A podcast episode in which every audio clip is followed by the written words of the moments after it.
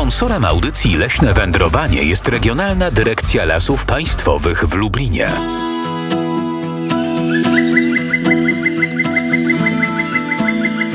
Leśne wędrowanie.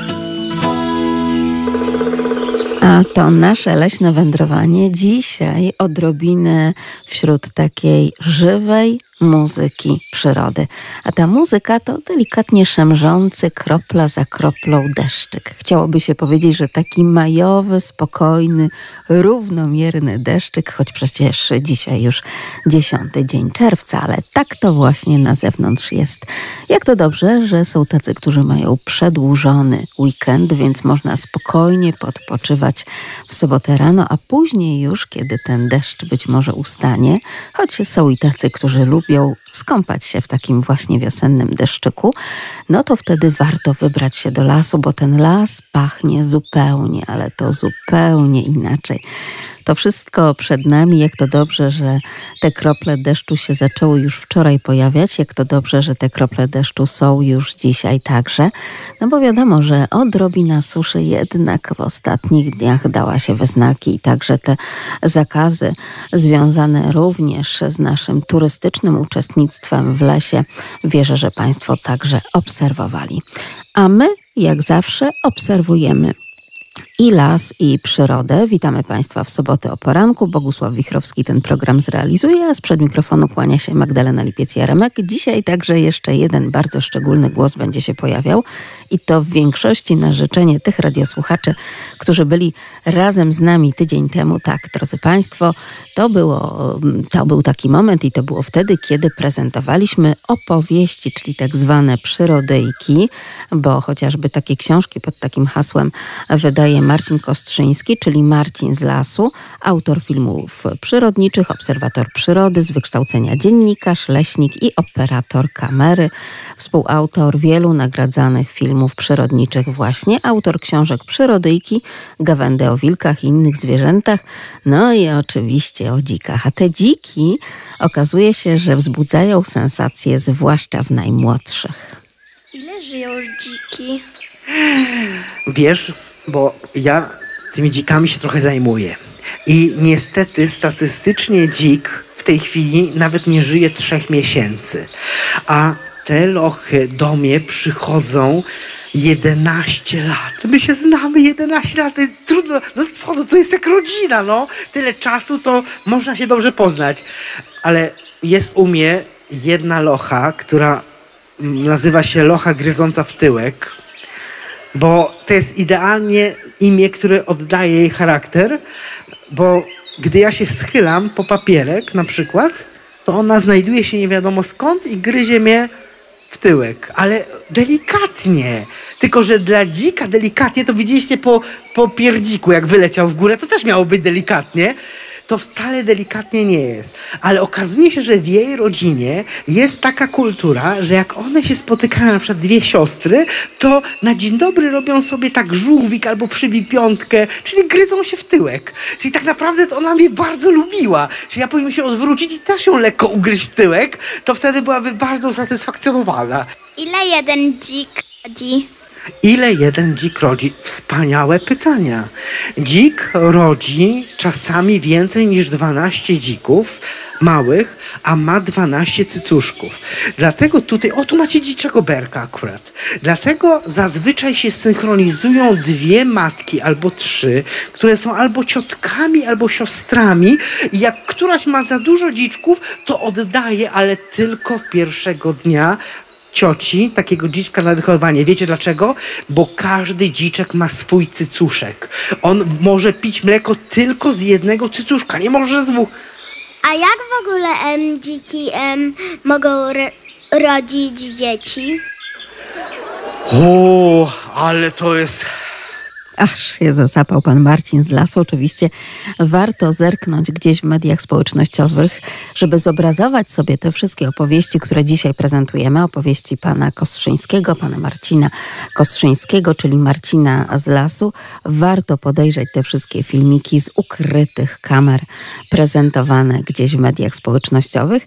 I tak to jest, że w czerwcu chyba dobrze jest świętować Dzień Dziecka przez cały miesiąc i między innymi posiłkować się również taką wiedzą, czy też chęcią zdobycia wiedzy przyrodniczej przez najmłodszych. A jak w ogóle em, dziki em, mogą ro- rodzić dzieci?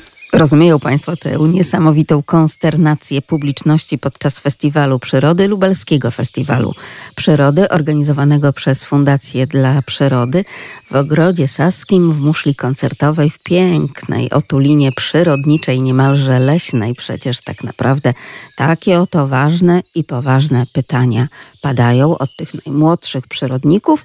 No i proszę tutaj nie mówić, że dzieci interesują się tylko i wyłącznie najnowszą technologią. Okazuje się, że przyroda też je żywo interesuje. Dziki mogą rodzić dzieci, nawet muszą rodzić dzieci, żeby były kolejne pokolenia dzików. Co więcej, dzicza mama, ona potrafi przezwyciężyć strach przed człowiekiem i nie ma takiego strachu, żeby ona nie obroniła swojego dziecka. I teraz tak, jak jesteście w parku i naraz dzik biegnie w waszą stronę, bo on ma z tyłu małe dzieci, to trzeba wytrzymać. On podbiegnie na metr, jak stąd do tego kwiatka i obróci się i wróci. Nie zrobi wam krzywdy. Tylko większość ludzi nie wytrzymuje do takiego metra, tylko bierze i ucieka. I stąd się wzięło powiedzenie, że dzik goni ludzi, a tak naprawdę nie ma. Dlaczego, dlaczego dziki muszą lubić, lubić, rodzić dzieci? czego dziki muszą robić dzieci? Chrum, chrum. To powiem ci jeszcze coś więcej, że te dzieci są czasami w paski, a czasami są też w kropeczki. Takie biało-czarne, ale żaden dzik nie robi przykrości tym, które są białe w czarne kropeczki albo czarne w białe kropeczki, bo wszyscy się bardzo lubią. Ale dlaczego e, mają mają taką obroń? E, Czy ktoś z rodziców mógłby przetłumaczyć pytanie? E, Bo to było dosyć trudne. Dlaczego ma taką obręcz? Mamy tłumacza. Jaką mają ochronę? Jaką mają ochronę? Może to było takie A, pytanie. Jaką dziki mają ochronę? O kolory! Chyba, dzie- chyba dziewczynce, bo jak mówiliśmy o proszkowanych, dlaczego mają takie obręcze niektóre? Ja tak...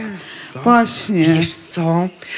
Bo jak taki dziczek położy się pod świerkiem albo w takiej trawie, to nikt go nie może zobaczyć, jak on się nie rusza. W ogóle nic a nic. Dlatego dziczki mają takie paseczki, żeby się dobrze ukrywać. Ale trudne pytania. Całe szczęście, że znam odpowiedź, albo no proszę.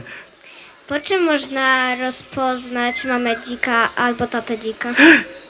Aż tutaj głęboki oddech wziął pan Marcin z lasu, no bo rzeczywiście głębokiego zastanowienia wymaga odpowiedź na tak postawione przez młodego przyrodnika pytanie 801 50 10 22, a także 81 743 7383. Jak różni się mama i tata dzika, nawet jak się nazywają tak naprawdę już w tym języku typowo przyrodniczym, to także pytanie do państwa. Po czym można rozpoznać mamę dzika albo tatę dzika? lasmałpkaradio.lublin.pl Po czym można rozpoznać mamę dzika albo tatę dzika?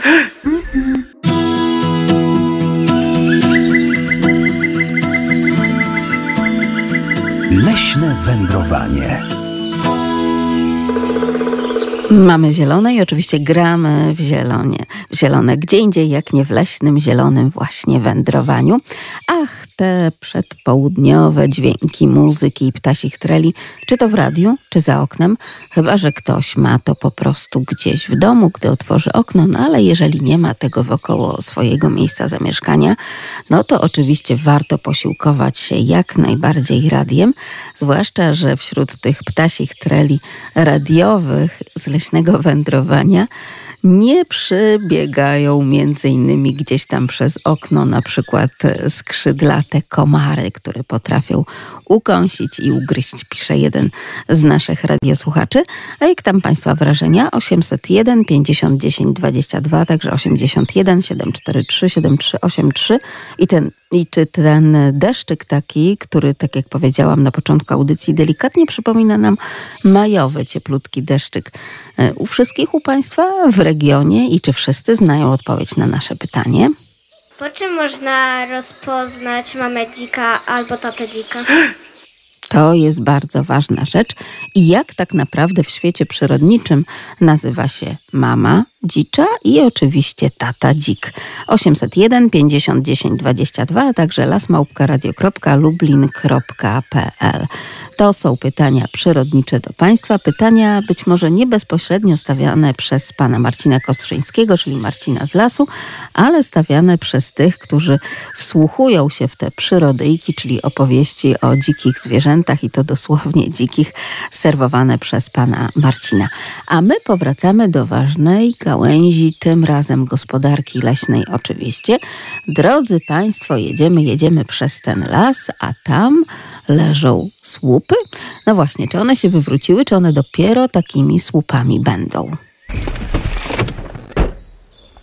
Jesteśmy we fragmencie lasu, który jest już całkiem inny niż tamten poprzedni. Tu nie ma żadnych zbiorników wodnych, nie ma rowów melioracyjnych. Jest to siedliska boru świeżego. Sosna, proszę zobaczyć, jest inna. Na zrębie jest cieńsza i tak jak obiecałem, piękna, prościutka, gonna, bez sęków. I tutaj mamy odpowiednią klasę tej sosny, ładny materiał. To są Roman słupy. Słupy teletechniczne, widzi Pani, są opisane taką, takim symbolem E, jak były wyznaczane szacunki. Zostały w ten sposób sklasyfikowane, teraz pozyskane, odebrane i czekają sobie, jak przyjedzie odbiorca i je zabierze. Tutaj są nie tylko słupy teletechniczne, ale jest również i drewno tartaczne, dlatego że tych słupów nie było na tyle, żeby skompletować cały ładunek. Idzie do, do jednego odbiorcy, będzie zadowolony, bo jak widać to drewno jest całkiem przyzwoite. Okazuje się, że ciągle jeszcze potrzebne, czyli ciągle jeszcze potrzebne są te drewniane słupy. Słupy drewniane są wykorzystywane. Są firmy, które je przerabiają i wysyłają do Afryki. A nawet nie wiem, czy pani widziała, że w Ameryce Północnej, w Stanach Zjednoczonych bardzo dużo jest słupów teletechnicznych, które są drewniane. Są one bardziej odporne na działanie e, okiści śniegowej. Te nitki energetyczne, które są ze słupów żelbetowych, się szybciej kładą, jeżeli jest y, śnieg y, taki mokry, niż y, słupy drewniane. Drewno jest bardziej sprężyste. Jest y, po prostu materiałem bardziej odpornym na takie działanie. I po raz kolejny drewno pokazuje, jak jest wyjątkowe wśród tych wszystkich materiałów używanych przez człowieka. drzewa proste. I tak jak pani mówiłem, jest to bardzo dobre technicznie drewno, wąskosłoiste, słoje są regularne. Każdy stolarz by się cieszył, jakby dostał taki materiał do przerobu. A taki materiał oczywiście w naszych lasach, drodzy Państwo, ale w naszych lasach nie tylko drewno, także i dziki. Po czym można rozpoznać mamę dzika albo tatę dzika? I to jest pytanie do Państwa. Pojawiają się odpowiedzi jak najbardziej na lasmałparadio.lublin.pl i pan Wiesław, i pani Małgorzata, i pani Dominika, i Monika. 801 50 10 22, także 81 743 7383. Potrzebujemy nie tylko tych różnic biologicznych, ale także nazw. Jak nazywa się mama dzicza i jak nazywa się tata dzik. Po czym można rozpoznać mamę dzika albo tatę dzika? Dzień dobry panie Józefie. A czy w Sitnie obok Zamościa także deszczyk? Tak, pani redaktor. Dzień dobry, pani redaktor i witam wszystkich radiosłuchaczy. Deszczyk rozpoczął tak padać się roz, o pół do szóstej około. Tak, bo wcześniej wstałem, ale jeszcze nie było. A wczoraj podlałem o, ogród, bo myślałem, że już nie będzie, bo codziennie zapowiada radio, no, inne media, że będzie deszcz, a nie ma. No ale bardzo ch- chętnie chciałbym, żeby taki spokojny deszczyk padał. I taki chyba właśnie teraz jest. Rzeczywiście, Tak jest, wczoraj Lublin był też delikatnie zroszony, tak niemalże pobłogosławiony tym deszczykiem. Natomiast e, jeśli chodzi o roztocze, no to muszę panu powiedzieć, że tak, byłam i w okolicach Zamościa, i w okolicach e, Górecka. Absolutnie słoneczna, wyżowa pogoda, cieplutko, zupełnie inny świat, a wcale nie tak dużo kilometrów od Lublina i też rozumiemy, że tam wędrując po lasach po prostu kurzy się nawet i kurzyło się wczoraj e, właśnie gdzieś nawet za butami, nie tylko za przejeżdżającym rowerem e, czy jakimś innym pojazdem. Tak to wygląda, więc dobrze, że ten deszcz się pojawia, więc pytamy, czy gdzieś głębiej na roztoczu również ten deszczyk jest. To pytanie do Państwa 801 50 10 22, a my przechodzimy do dziczej rodziny, no bo tak jakoś czerwiec to takie święta rodzinne, już e, zupełnie niedługo i będziemy świętować Dzień Ojca, był Dzień Matki w końcówce maja, był Dzień Dziecka na samym początku czerwca. Jak to jest w tej dziczej rodzinie, Panie Józefie? No, y, ojciec to ma na imię Odyniec, a mama Locha z warchlakami, pasiekami. No, mama ma y, tego, cycuszki, ten, jak powiedzieć. Tak, pan Marcin to bardzo obrazowo y, musi wszystko wytłumaczyć, ale wiadomo, że on trafia właśnie do tych najmłodszych, choć wierzę, że i starsi, i dorośli też co nieco tej wiedzy przyrodniczej, takiej typowo praktycznej nawet e, są w stanie tutaj skorzystać. Tak jest. Często, tak jak pisze pan Wiesław Locha, prowadząc tę watachę, czyli rodzinę dziczą, jest taką przodownicą po prostu tego statka i tak w wielu stadach e, także to wygląda, że tutaj jednak ten pierwiastek żeński na plan pierwszy się e, wysuwa. Prawda, panie Józefie? Tak. No i odyniec jest o wiele większy, no i przyrodzeniem się różni. Pani redaktor, chciałam tak o- coś powiedzieć pani. Tak. Y, Będąc na ogrodzie, leciał sam e, żuraw tego. I proszę panią, za tydzień wracał, y, już y, dwie osoby wracały, dwie tego. Także poleciał gdzieś z południa na północ, czy po partnera, czy po partnerkę, nie wiem, bo to wysoko było, nie można było wiedzieć. No i wracali oboje tego. Ornitologiczne obserwacje oczywiście przekazujemy profesorowi Grzywaczewskiemu. Bardzo serdecznie dziękuję, panie Józefie. I jeszcze razem z nami pani Marianna. Dzień dobry. Coś więcej o tych różnicach pomiędzy mamą a tatą w dziczej rodzinie? No, dzień dobry panie redaktor, dzień dobry państwu. No jeszcze e, jeżeli chodzi o, o, o Dyńca, to on ma taką silniejszą tę budowę. Ma taką mm, dosyć szeroką, dosyć y, dużo rozwiniętą pierś, ma duży łeb, ma właśnie szeroki kark. No te fajki i szable są do są Otóż widoczne. to, prawda? To jest Tak. coś, co rzeczywiście widać i no takie bardzo charakterystyczne jest, prawda, dla dzika. Tak, tak. No i ten udzik na ten pędzel też charakterystyczny. Tak, jak Także najbardziej. Jest, tak, i ta locha przodownica, tak, faktycznie ona zawsze prowadzi watachę.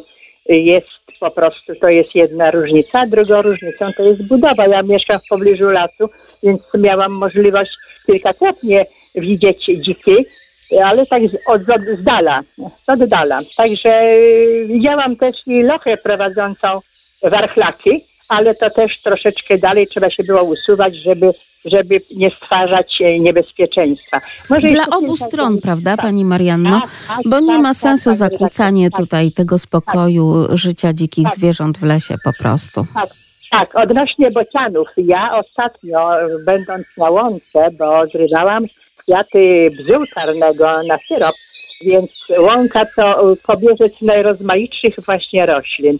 I tutaj właśnie 11 tych 11 bo, boćków widziałam na, na łące, maszerowały Wow. sobie, szukały pożywienia, tak. Oraz również e, dostrzegłam e, w trawie baraszkujące dwa małe listki, niedolistki, które uciekły tam do e, krzewów, gdzie być może była ich mama. No i cóż, no, w tej, na tej łące w taki piękny, słoneczny dzień było słychać takie donośne cykanie pasikoników, które są nazywane oczywiście tymi zielonymi konikami polnymi. I tych pasikoników w naszym tutaj w Polsce to jest y, odmian, gatunków jest wiele, jest kilkadziesiąt. I tak ja sobie pamiętam jeszcze, że takie, niektóre są takie za, zabawne nazwy, na przykład trajkotka, niezdarka, opaszlik, piesek. I te e, pasikoniki to takie charakterystyczne cykanie, bo one uderzają skrzydełkami skrzydło o skrzydełko i powstaje taki właśnie charakterystyczny dźwięk, ale również koncert składał się z ćwierkania. Czyli, czyli ćwierkają te właśnie yy, świerszcze polne, świerszcze polne, bo koniki polne mają kolor zielony, bo skaczą y, wśród zieleni, natomiast świerszcze polne y, są ubarwione ciemno, one przysiadują sobie w norkach w ziemi i tym ćwierkaniem, cykaniem przywołują, przywołują samiczki albo odpędzają rywali. Wracając jeszcze do boczków, ostatnio była taka sytuacja, że zgłosił się do mnie mój były uczeń, mój były wychowanek, gdzie na posesji y, jego rodziców wypadł bocian z gniazda. Nie wiem, czy był wyrzucony, czy wypadł, ale ten bocian był lekko ranny, więc mój były uczeń Darek zawiózł tego boćka do ptasiego azylu, do warszawskiego zoo. Także jest dużo się dzieje y, w lesie. No, wędrując po lesie. y, Od wielu lat nie spotkałam jelonka rogacza. Na skraju polany, tuż pod takim rozłożystym dębem, y, wygrzewał się właśnie jelonek rogacz. Ależ miała pani szczęście. Tu Miałam szczęście, opowiadając ja to, już widzimy ten obrazek po prostu oczyma wyobraźni.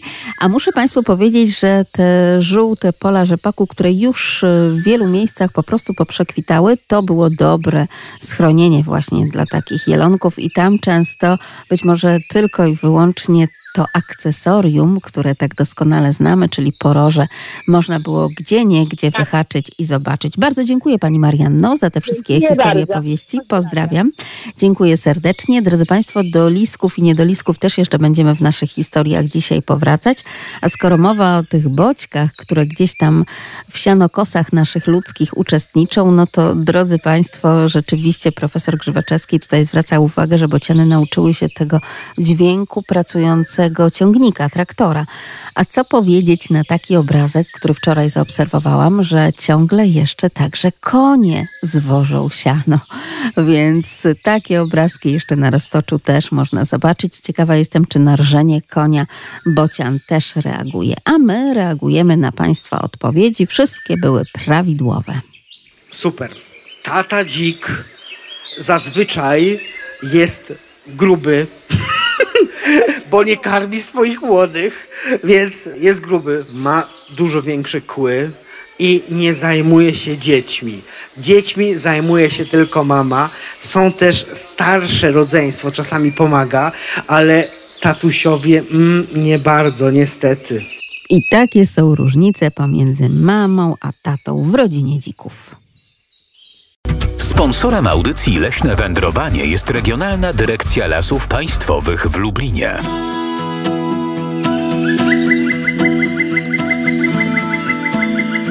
Leśne wędrowanie. Dzień dobry, pisze do nas na lasmałpka.radiolublin.pl pani Małgorzata.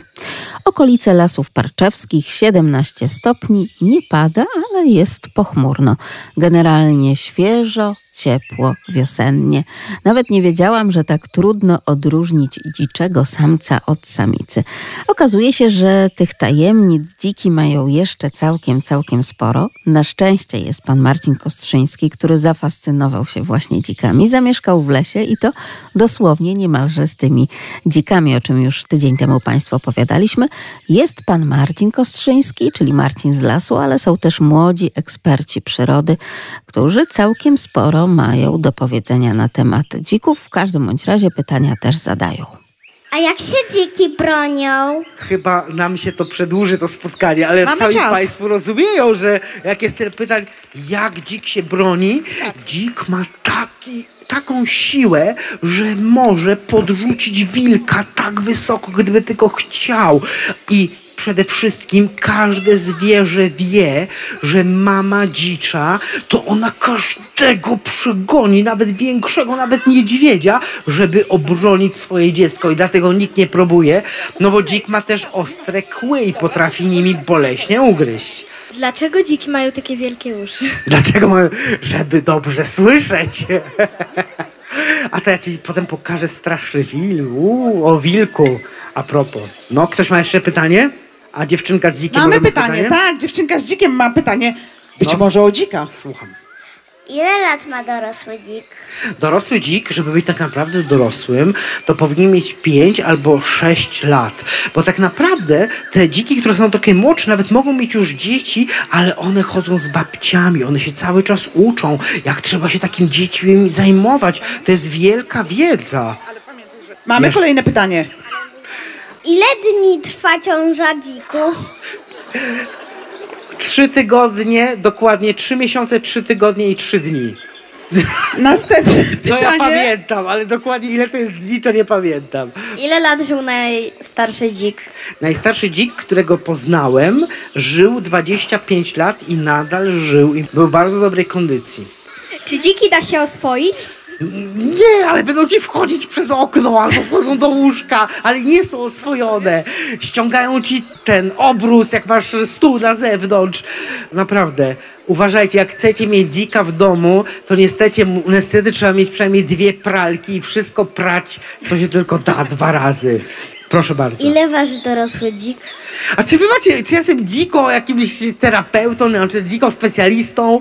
Duży, dorosły dzik kiedyś potrafiły dziki ważyć 400 kilo. To jest bardzo dużo. I teraz taki dzik, który ma 100 kg czy 150 uznaje się, że jest bardzo duży, a jak mówię, kilkaset lat temu potrafiły ważyć prawie pół tony.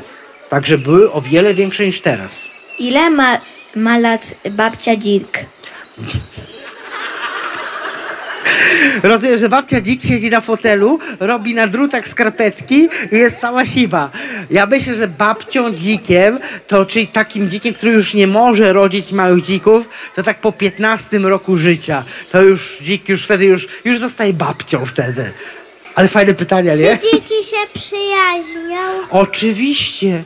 Dziki się przyjaźnią z innymi dzikami, z ludźmi potrafią się zaprzyjaźnić. Nawet ja mam Jorka i mój Jork się zaprzyjaźnił z dzikiem. Spały razem przytulone do siebie, naprawdę. No. Ile że, lat żyją Rysie? O, ulga! Dziękuję. E, wiesz, że nie wiem. Naprawdę nie wiem, ale podejrzewam, nie, nie, nie chcę zgadywać, e, po prostu nie wiem, bo czasami mogę czegoś nie wiedzieć, ale mogę pokazać wam film, tylko chcę spytać, czy chcecie przeżyć szok? Dzieci, chcecie przeżyć szok? Tylko tak, jak masz dzika maskotkę, zamknij mu oczy, żeby nie widział, dobra?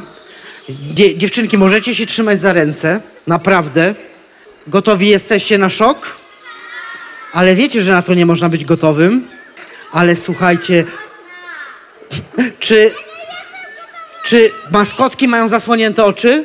Dobra, uwaga, jak jesteście gotowi, ale już za chwilę nic nie będzie takie samo. La la la la la la la la da da da da I teraz pytanie ode mnie. Kto obsikał moją kamerę? No właśnie! Może nie wiem ile lat ma Ryś, ale wiem jak sika na moją kamerę, bezczelnie.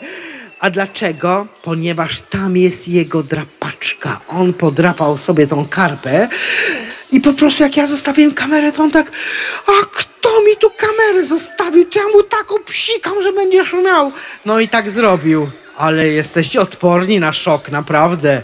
To był niesamowity szok przyrodniczy. Oczywiście takie filmiki mogą Państwo zobaczyć na kanałach pana Marcina z lasu, bo gdy spotykamy w lesie zwierzę, to czujemy się tak, jakbyśmy wygrali los na loterii. Ja wiem, że wielu z naszych radiosłuchaczy już doświadczyło takich niesamowitych spotkań.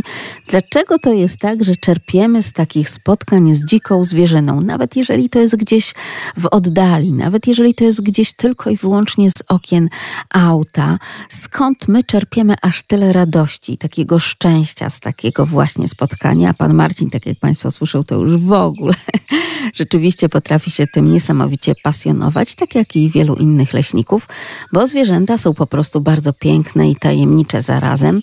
I po prostu wtedy, kiedy je widzimy, to wracamy niejako do własnych korzeni, bo kiedyś żyliśmy ze zwierzętami po sąsiedzku i mieliśmy szansę je obserwować więcej i częściej. A teraz niestety, patrząc na te zwierzęta, odkrywamy samych siebie po raz kolejny, zwłaszcza gdy żyjemy w mieście, gdzie, no cóż, do lasu mamy troszkę bardziej daleko. Ale, drodzy Państwo, skoro mowa jeszcze o tych dzikach, które tak szalenie fascynują pana Marcina, to padają kolejne pytania. Ja nie mam pytania, ale wiem jak dziki się czyszczą z kleszczy. No powiedz jak. A czy Państwo powiedzą nam, w jaki sposób dziki czyszczą się, jak powiedziała mała dziewczynka, mała przyrodniczka z kleszczy? 801 50 10 22, także 81 743 7383. I ciekawa jestem, czy możemy ten sposób dzików na oczyszczenie się z kleszczy, czy też z komarów przeszczepić na nasze ludzkie ciała i czy to się po prostu sprawdzi? Oj, chyba nie. lasmałparadiolublin.pl Ja nie mam pytania, ale wiem jak dziki się czyszczą z kleszczy. No powiedz jak. Zanim ta nasza mała przyrodyjka, czy mała przyrodniczka, a przyrodyjki to oczywiście historyjki, które o przyrodzie opowiada pan Marcin z lasu, udzieli odpowiedzi sama sobie na postawione pytanie, to jeszcze pan Sławomir. Dzień dobry. Dzień dobry pani redaktor, dzień dobry państwu wszystkim słuchaczom. No Jak to jest? oczywiście ekspertkę małą od, Oj, było mnóstwo tych małych i najmłodszych, także ekspertów podczas festiwalu przyrody. Okazuje się, że jednak ta przyroda dziecku jest szalenie bliska. To teraz odnośnie tego dzika, no to dziki czyszczą się no, na dwa sposoby. Jeden ten najskuteczniejszy to jest tarzanie się w piasku. Y, Dzik tarzając się w piasku y, za pomocą właśnie y, tarcia piasku usuwa te kleszcze, a drugi sposób to jeszcze jak nie mają piasku, to ocierają się o spękaną korę drzew, no na przykład sosem starszych. Również wtedy wycierają oczywiście te miejsca, które mogą e, ocierając się. Natomiast w piasku, no to kąpiel piaskowa. Tak, y, to wszystko opowiada pan tak, tak jakby pan widział na przykład takie miejsca otarć, bo jeżeli czytamy las y, tak niemalże jak otwartą księgę i tego uczą nas właśnie przyrodnicy i leśnicy, to często widzimy na tej spękanej korze drzew nawet fragmenty sierści dzika, prawda? Czy też innych zwierząt, no bo tak gdzieś tam swędziało, kuło i piekło, że trzeba było mocno się podrapać, a że szczotki w dłoń nie mogą chwycić na długim drewnianym trzonku, no to muszą sobie radzić tak, a nie inaczej. Ale muszę panu powiedzieć, że jest jeszcze jeden trzeci sposób także. E, Myślę, że ten sposób za chwilkę sobie przedstawimy, a na razie jeszcze podpytam, jak tam pana obserwacje przyrodnicze, bo troszkę się nie słyszeliśmy. No, ostatnio pisałem właśnie mailem, tylko bo nie mogłem akurat zadzwonić em, w sprawie e, jeżyków, które Tak. wypatrywaliśmy wszyscy z utęsknieniem. No i było tak, że audycja, akurat właśnie pani zadała pytanie. y, Ja o siódmej rano wychodziłem na balkon, patrzyłem w niebo, nie było nic. I potem dokładnie o, o godzinie, w tej chwili nie pamiętam, bo napisałem to w mailu, 7.30 czy 8.30, patrzę, pojawiły się dwie pary jeżyków. Dosłownie, y, czyli można powiedzieć, że dosyć dokładnie określiłem, kiedy się pojawiły nad centrum Lublina. Tak, ma pan rację, bo tutaj rzeczywiście czekaliśmy na te jeżyki, bo całkiem sporo dobrego w Lublinie robią i coraz więcej domków dla nich, prawda? Więc to też jest ważne. I tak jak pan tutaj pisał tydzień temu, tego dnia o siódmej nie było ich na czystym niebie, natomiast o 8.35 z radością powitałem dwie pierwsze pary nad moim podwórkiem. Mamy to odnotowane, mamy to również przekazane panu profesorowi Grzywaczewskiemu, więc te obserwacje jak najbardziej są szalenie cenne i jeszcze o takie prosimy. Bardzo panu dziękuję, panie Sławomirze, i do zobaczenia. Jak nie w Lublinie, to w lesie. Wszystkiego dobrego. Dziękuję bardzo. Do zobaczenia, do usłyszenia. Do usłyszenia. Drodzy Państwo, no to jeszcze ten jeden sposób walki dzików z tym wszystkim, co ich drapie, gryzie i kąsa. Kto ma pytanie? Ja nie mam pytania, ale wiem jak dziki się czyszczą z kleszczy. No powiedz jak. Najpierw kąpią się w błocie, a później y, dra, drapią się o drzewo. Mamy tutaj świetną specjalistkę, prawdziwego dzikologa. Brawo dla dziewczynki, brawo, brawo, brawo. Brawo, brawo. A ja jeszcze tylko uzupełnię, że dziki są tak mądre, że potrafią kąpać się w mrowisku, bo kleszcze boją się, strasznie się boją mrówek. I tak to jest, drodzy Państwo, że jeszcze taki jeden sposób, jeśli chodzi o mrówki, można wykorzystać. Nie wiem, kto z Państwa się odważy, choć są tacy, którzy podczas takich ekstremalnych spacerów i kąpieli leśnych dosłownie zażywają kąpieli, czyli kładą swoje dłonie w mrowisko, po to, żeby tam gdzie nie, gdzie jedna, druga czy dziesiąta mrówka e, gdzieś ugryzła, bo to oczywiście dla zdrowia o wiele, wiele lepiej. Nie wiem, czy wtedy kleszcze nie będą się naszczepiać albo komary, ale można to wypróbować. Natomiast dzieci przeciągają linę i próbują jeszcze pana Marcina namówić na kolejne historie i opowieści prosto z lasu i to takie, które wywołują szok. Szok przyrodniczy. Słuchamy. Czy pan nam jeszcze pokaże jakiś szok? Ale naprawdę tego chcesz? Naprawdę? No, moi drodzy, ja nie wiem, ale jak. Ja nie wiem, co na to rodzice, ale teraz będzie. To teraz to już naprawdę musicie dziczkowi zamknąć oczy. I małe dzieci też nie powinny patrzeć, bo to będzie. To będzie film, który się nazywa Kupa. Tak, uwaga, tu jest taki niepozorny ptaszek. On sobie lata i siada na moją kamerę, a po chwili jest takie. Ale to dopiero początek. Patrz teraz. La, la, la, la. Jaką mam fajną kupę. Co ja tam mam? E, chcieliście szok? To macie szok. A co tam? Ale jeszcze jeden szok? Więcej szoku. No nie, to, no to teraz powiem wam, że niestety moje kamery często są skrzynkami pocztowymi. Przychodzi lizenek i sika na kamerę, zostawia wiadomość, ja tutaj byłem Zenek. A na drugi dzień przychodzi lis Franek, wącha to, co narobił lizenek i mówi, no to ja też muszę nasikać. Wszyscy ci, którzy byli już na porannym spacerze z pieskiem, doskonale wiedzą, o czym mowa.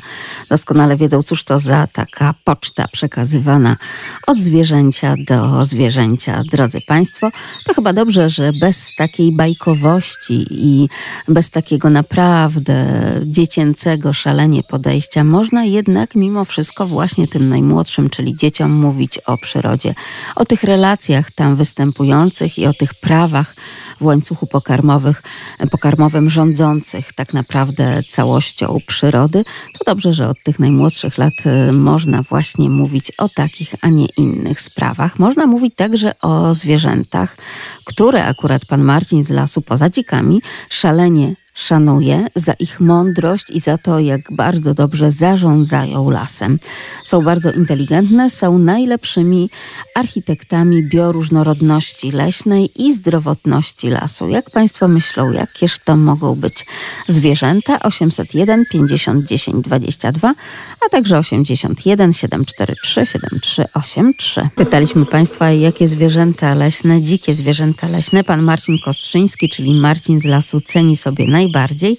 No i padło hasło, że to są te zwierzęta, które są najlepszymi architektami i pojawiły się odpowiedzi, że to bobry, ale tutaj chodziło o architektów bioróżnorodności i zdrowotności lasu, a nie architektów dosłownych. Drodzy Państwo, tak jest. Chodzi o wilki. Pani Mariola z Tomaszowa doskonale znała odpowiedź, pisząc do nas na lasmałparadio.lublin.pl i pozdrawiając, że w Tomaszowie też odrobinę tych kropelek deszczu się pojawiło. Pytamy o więcej, no i oczywiście poznajemy te wilcze historie. A czemu to jest tak, że ciągnie wilka do lasu, w sensie ludzi do lasu i do poznawania wilków, do tej przyrody i do ciszy? Dlatego tak bardzo cieszymy się, gdy możemy obserwować dzikie zwierzęta, bo przecież one są wolne i my ludzie patrzymy na nie trochę z zazdrością. Nie mają cywilizacyjnego bagażu, który z jednej strony daje nam bardzo wiele, ale z drugiej strony jesteśmy zniewoleni, a to przez kredyty, a to przez szybkie tempo życia i paradoksalnie to wcale nie daje nam poczucia bezpieczeństwa. Czy jesteśmy szczęśliwsi niż sarenka, która gdzieś tam na polu skupie sobie zioła, świeci słoneczko, a ona cieszy się ze zwyczajnych rzeczy, odpoczywa kiedy chce i nie ma nad sobą szefa. Zwierzęta w lesie są wolne, a chyba najbardziej tę wolność widać, może niekoniecznie u sarny, która właśnie przed tym wilkiem ucieka, ale w wilkach. I takie wilcze historie będzie teraz nam prezentował pan Piotr Kiszczak, nadleśniczy Nadleśnictwa Lubartów. W poniedziałek wybieramy się właśnie do tegoż nadleśnictwa, więc troszkę historii z tego rejonu, żeby dobrze się przygotować na kolejne nagrania do leśnego wędrowania. A miałem taki przypadek, to było kilka lat temu, na terenie Kozłówki. Miałem spotkanie z wilkami. Jadę samochodem od Starego Tartaku tutaj, tą drogą, no my tak to mówimy, na Pytkę, czyli na Majdan Kozłowiecki.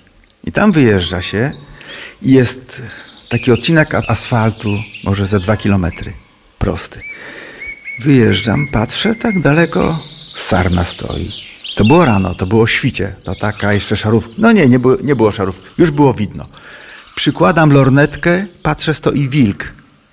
Ale to był wilk, miał ogon prosty, tak, tak jak lis.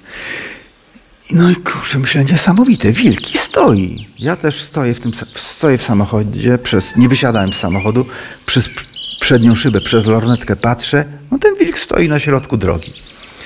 Ja myślę, zbliżę się do niego, zobaczę, prawda, jak ten wilk tak naprawdę wygląda, bo już widno wtedy było. No i jadę, jadę do tego wilka gdzieś, jak podjechałem może na odległość 70 metrów. Ten wilk zszedł na prawą stronę. Ja pojechałem w to miejsce, gdzie ten wilk stał. To było akurat skrzyżowanie asfaltu tego, którym jechałem, z linią oddziałową. A linia oddziałowa to jest, to jest droga w lesie, o tak możemy. I patrzę na prawo, no nie ma tego wilka. Wyszedłem z samochodu, wziąłem lornetkę i tak patrzę po drzewostanie. Nie ma, nie ma wilka. Mówię, no trudno, ale wilka widziałem. Wsiadam do samochodu, odwracam się do tyłu, na tą właśnie linię oddziałową, stoi drugi wilk. Na 50 metrów ode mnie. To było niesamowite, pani Magdaleno. Stoi wilk i na mnie patrzy, nie? I ten miał ogon tak lekko podwinięty, lekko, tak jak nieraz te psy owczarki niemieckie. Ma ogon opuszczony do dołu, ale jest lekko podwinięty. Ale to był piękny wilk. Łeb miał niesamowity, piękny wilk i te oczka chytre, uszy takie stojące i piękną też suknię. No ja stoję i patrzę na tego wilka. Zszedł na lewą stronę w kierunku asfaltu. To ja odwróciłem się na asfalt. Myślę, zaraz mi wyjdzie, nie? No poczekałem kilka minut, trudno powiedzieć. To były emocje, w związku z tym trudno też określić, jak to długo trwało. Bo w emocjach tak, w emocjach czasu się nie liczy, nie? Czy jak ktoś jest szczęśliwy, to też czasu nie liczy. I patrzę, wychodzi ten wilk. Najpierw w fosę przed asfaltem. No, zatrzymał się, popatrzył na mnie. Tak od niechcenia wilk tak popatrzy. To, to wzrok jest niesamowity. Pani Magdalena, to jest niesamowite. Ja go miałem na 50 metrów normalnie. Wszedł na asfalt, też zatrzymał się. No tak spojrzał, popatrzył na mnie. I później przeskoczył fosę po drugiej stronie, rów i za tym pierwszym wilkiem poszedł. Tyle. Tyle albo aż tyle. Niesamowite historie, historie, które przytacza nam dzisiaj Piotr Kiszczak, nadleśniczy Nadleśnictwa Lubartów. No niesamowite. Miałem takie, miałem takie spotkanie z wilkiem. A kiedyś jeszcze też miałem spotkanie wilkiem. Tutaj w Lasach Kozłowieckich. Wtedy miałem moje dwa psy gończe też. I poszedłem na spacer do lasu. W okolicach Dąbrówki. Przy gościńcu Dąbrowieckim. Idę sobie przez las. Wtedy szedłem z kolegą leśniczym, Wiesławem. We dwóch szliśmy także. Jest świadek? Nie. Yy, idziemy przez las i tak dochodzimy do tego gościńca Dąbrowieckiego i gdzieś te psy moje poszły, zniknęły mi te gończe, nie? No ale no nic jak to pies tam biega po lesie sobie. Dochodzę do gościńca, to było może 150 metrów ode mnie. Patrzę, są moje psy. No 150, może to było 200 metrów, no, trudno tak określić w każdym razie, ale patrzę przy tych psach sarny. Sarny stoją, podnoszę lornetkę, stoją trzy wilki. Pani Magdaleno, to jest niesamowite. Trzy wilki i moje dwa psy. Stały w jednej grupie. Nie wąchały się, ale stały blisko siebie. Oczywiście przestraszyłem się, myślę, zaraz mi te wilki zjedzą psy. Gwiznąłem, prawda, zawołałem psy. Psy przybiegły do mnie. Te trzy wilki zostały. Za moment te trzy wilki zeszły na lewo do lasu. A ja stoję taki, kurczę, no, jak zamurowany. Patrzę, z prawej strony wychodzi czwarty wilk na tą drogę. Spojrzał na mnie, spojrzał w drugą stronę, tak się porozglądał i takim wilczym truchtem za tymi trzema wilkami zszedł. No ja też stoję taki, no kurczę, tak patrzę na tego mojego przyjaciela, z którym razem szliśmy, prawda? Tak o nie mieliśmy i za moment ten wilk, ten czwarty wilk wraca się z powrotem na gościniec Dąbrowiecki, popatrzył na nas, odwrócił się w drugą stronę i tym gościńcem Dąbrowieckim na sztych od nas poszedł. Na sztych to znaczy na wprost, prawda? Tak to wygląda. I poszedł gościńcem Dąbrowieckim w drugą stronę. No my też poszliśmy w drugą stronę. Tyle miałem spotkań z wilkami. No to też nie tylko tyle, bo miałem i w Puszczy Solskiej już dawno miałem niesamowite też spotkania z wilkami. Ale no, są tutaj wilki. Są tutaj wilki. Oczywiście też proszę tego nie traktować, że no, są wilki, no to nie będziemy chodzili do lasu. Nie będziemy szli na spacer z psem, no bo nas wilk tylko psa zagryzie. No oczywiście zawsze trzeba zachować ostrożność, prawda? Za, w życiu zawsze trzeba być osądnym i różnie to bywa, ale to jest też piękne spotkać wilka w lesie. No i tak trochę tak jak w moim przypadku spojrzeć mu w oczy, bo miałem tak blisko wilka. Ja wiem, że każdy z nas, wybierając się na wycieczkę leśną, chciałby mieć takie spotkania i takie przeżycie, choć może niektórzy delikatnie się obawiają, drodzy Państwo. 801 50 10 22, także 81 743 7383, ale drodzy Państwo, to nie jest tak, że mamy taką szansę tak naprawdę za każdą naszą wędrówką i postawieniem tej stopy gdzieś na leśnej ścieżce na spotkanie dzikiej zwierzyny, to jednak trzeba wybierać takie, a nie inne pory i po prostu wiele, wiele dłużej być w tym lesie niż tylko podczas weekendowego spaceru. A taką szansę mają właśnie leśnicy i nadleśniczy Nadleśnictwa Lubartów. Pan Piotr Kiszczak o takich historiach nam tutaj opowiada. A przecież te wilki to nie jest taka oczywistość, bo to nie jest tak jak i z łosiem, prawda? Że tak dużo od zawsze go było w tych lasach, czy generalnie tak dużo tej dzikiej zwierzyny w lasach było. Kiedyś ten las wyglądał zgoła inaczej. Kiedyś w lasach kozłowieckich nie było w ogóle wilków. Znaczy po II wojnie światowej, jak ta akcja wilcza była, wilki były. Później nie było w ogóle wilków. I taki pierwszy przypadek to było z 10 lat temu. Mój kolega, który był wtedy nadleśniczym w Nadleśnictwie Międzyrzec, Janusz Paderewski, dzwoni do mnie i mówi Słuchaj Piotrze, ty masz wilki. Ja mówię, Janusz, co ty opowiadasz? No, no widziałem dwa wilki. Jak jechałem z Niemiec, z tej naszej osady, Niemce, przed wiaduktem kolejowym, jak się wjeżdża do lasu, z prawej na lewo przeszły dwa wilki. Ja mówię, słuchaj Janusz, coś ty chyba... No, yy, mówię, to może to były jakieś haski, psy, prawda? Jakieś łajki może, takie szare, podobne do wilka. Nie, widziałem wilka. Trochę mu nie dowierzałem, no ale też i leśnik, i myśliwy, no i też e, trochę e, tej zwierzyny w lesie i lasu za życia zobaczył, ale tych wilków nie widzieliśmy. 2011, może 2012, już w tej chwili tak dokładnie, ale to było 10, może gdzieś tak kilkanaście lat temu. I nie, nikt tych wilków nie widział wtedy. Poza tym, jeśli jest, są wilki, no to zostawiają resztki tam niezjedzonej zwierzyny, prawda? Odchody też, te odchody to są takie specyficzne, no, tam są połamane kości, szerść zwierzyny, prawda, suknia.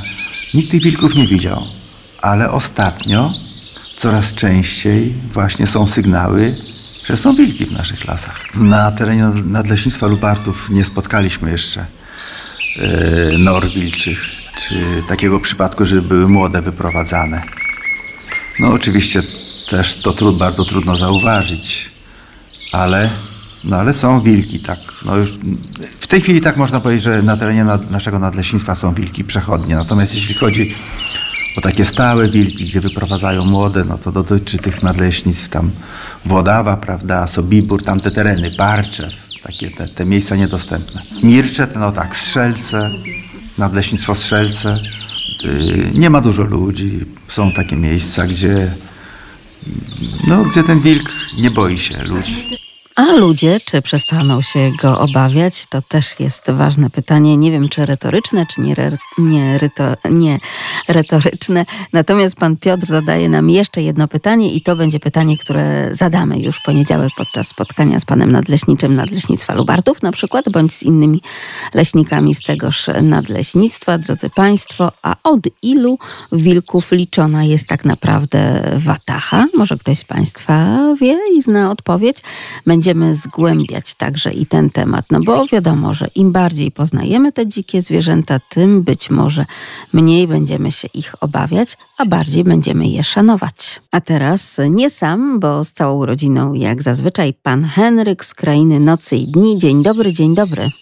Witam, witam. Proszę powiedzieć, jak pogoda u Państwa? Czy pojawia się także w krainie nocy i dni deszcz? Czy będzie to kraina no, deszczu? takie jak e, na Wielkanoc, znaczy wielki e, lany poniedziałek, kropelki takie dla ochłody. No temperatura jest taka w miarę lepsza niż wczoraj, bo nawet zwierzęta wczoraj po prostu no dostawały zadyszki, no trudno określić po prostu jak się zachowywały, no dziwne po prostu. A wracając jeszcze do e, wilków, myślę, że tu chodzi Watacha to minimum para, no bo w zasadzie dominacji takie, żeby e, dwóch wilków chodziło w parze, to nie ma, bo raczej one konkurują ze sobą i zawsze jeden jest przewodnikiem stada, także myślę, że tu chodzi o rodzinę i moim zdaniem tak to może wyglądać. Tak podobnie również myśli pan Krzysztof, pisząc, że Watacha to kilka wilków, więc już dwa. To powinna być liczona jako Watacha, ale najczęściej wilki w Watasze to cztery bądź pięć sztuk. Tak. Pozdrawia nas ze Świdnika, deszczowo, ale ciepło, a deszcz jest przecież nam wszystkim bardzo potrzebny, podkreśla pan Krzysztof. W pełni no, się z tym zgadzamy. Tak. U nas, w naszej okolicy tutaj po prostu tropów tak y, y, latem trudno zauważyć, ale Y, zima, ewentualnie tak początek wiosny, jak ten śnieg spadł, no to synowie zauważyli po prostu ślady trzech stóp takich różnych. Wynikało to, że musiały być po prostu przelotem albo gdzieś po prostu sobie podążały. No, tam niedaleko zabudowań wzdłuż rzeki Świder tam po prostu się sobie spacerowały. Czyli mają Państwo dowody na to, że są, że się pojawiają, nawet jeżeli tylko i wyłącznie e, przechodzą tamtędy. To jest tak. prawda taka potwierdzana przez wielu leśników z całej Polski, bo już mnóstwo tych terenów, w których rzeczywiście te wilki po tak, prostu a wracając są. jeszcze do, mhm. do Boćka, tak? myślę, że on jest jakimś przywódcą stada, bo on ściągnął tutaj taką watachę boćków, że po prostu y, na siłę, no nie wiem, trasa krajowa 76 bodajże, już nie pamiętam, nie zwracam na to szczegółu uwagi, y, no to niemalże w, grani- w odległości co 200 metrów y, zakład energetyczny, ewentualnie tam po zgłoszeniu natychmiast muszą robić platformy i zakładać gniazda, bo, bo mówię, już w tej chwili są lęgi, maksymalnie tam widziałem trzy sztuki, ale tak niektórych są pojedyncze sztuki, a ten y, mój, załóżmy, przewodnik, podejrzewam, że to jest samiec, też już ma w swoim y, y, przychówku około trzech, czyli jest dobrym po prostu tutaj takim organizatorem, że tak powiem, y, stada. Czyli ma jakąś funkcję konkretną, Tak, dobrze go było obserwować cały Tych czas. gniazd y, zasianych kiedyś tam y, doktor Grzywaczewski coś Tak. wspominał, że, że boćki nie wracają, znaczy wracają po 10 latach. Ja akurat y, obserwuję takie gniazdo, gdzie tam wyrosły różne rośliny i w tym roku były lęgi właśnie bocian. Są dwa gniazda obok i trzecie było zasiane i już w tym gnieździe zasianym osiedliły się już bo- boćki i są małe. To prawda, też widziałam takie gniazda, nawet wczoraj podczas wędrówek po Roztoczu. Takie, z których wystają zielone trawy, całkiem już teraz wysokie, no i te e, białe pióra boćków również widać, więc y, prowadźmy dalej te obserwacje, bo jak profesor Grzywaczewski potwierdza, trzeba to zbierać, segregować, dokumentować typowo naukowo i wtedy może będziemy mieli już z tego konkretny widok. Bardzo Może serdecznie mi się uda gdzieś ogarnąć, załóżmy taką fotkę na, na okładkę zdjęcia, bo szukam takich zdjęć, jak umknęło mi w moim rodzinnym miejscowości, gdzie było pięciu boćków w jednym gnieździe. Podejrzewam, że gdyby było lato bardziej takie przyjazne, to byłoby chyba sześciu. No to jest ewenement po prostu no, warty zatrzymania w kadrze, że tak powiem. I takie chwile celebrujmy i zbierajmy. Dziękuję bardzo Panie Henryku, pozdrawiam serdecznie. I mamy jeszcze na zakończenie pozdrowienia w raporcie z Podlasia, a w Białej poranek pochmurny, poranne plany rowerowe pokrzyżował deszczyk, który popadał przed godziną czwartą. Noc chyba była najcieplejsza tej wiosny, bo było to aż 16 stopni Celsjusza o 3.30. Aktualnie temperatura bez zmian, niebo zachmurzone, ale bez opadów. Pozdrowienia z Podlasia od pana Wojciecha. Bardzo dziękujemy i drodzy Państwo, tak, my również będziemy się takim bladym świtem około 3.30 zrywać już za tydzień, żeby rozmawiać z Państwem o tych wszystkich wyjątkowych sytuacjach, jakie mają miejsce w lesie. Magdalena Lipiec-Jaremek, dziękuję. Do usłyszenia. Sponsorem audycji Leśne Wędrowanie jest Regionalna Dyrekcja Lasów Państwowych w Lublinie.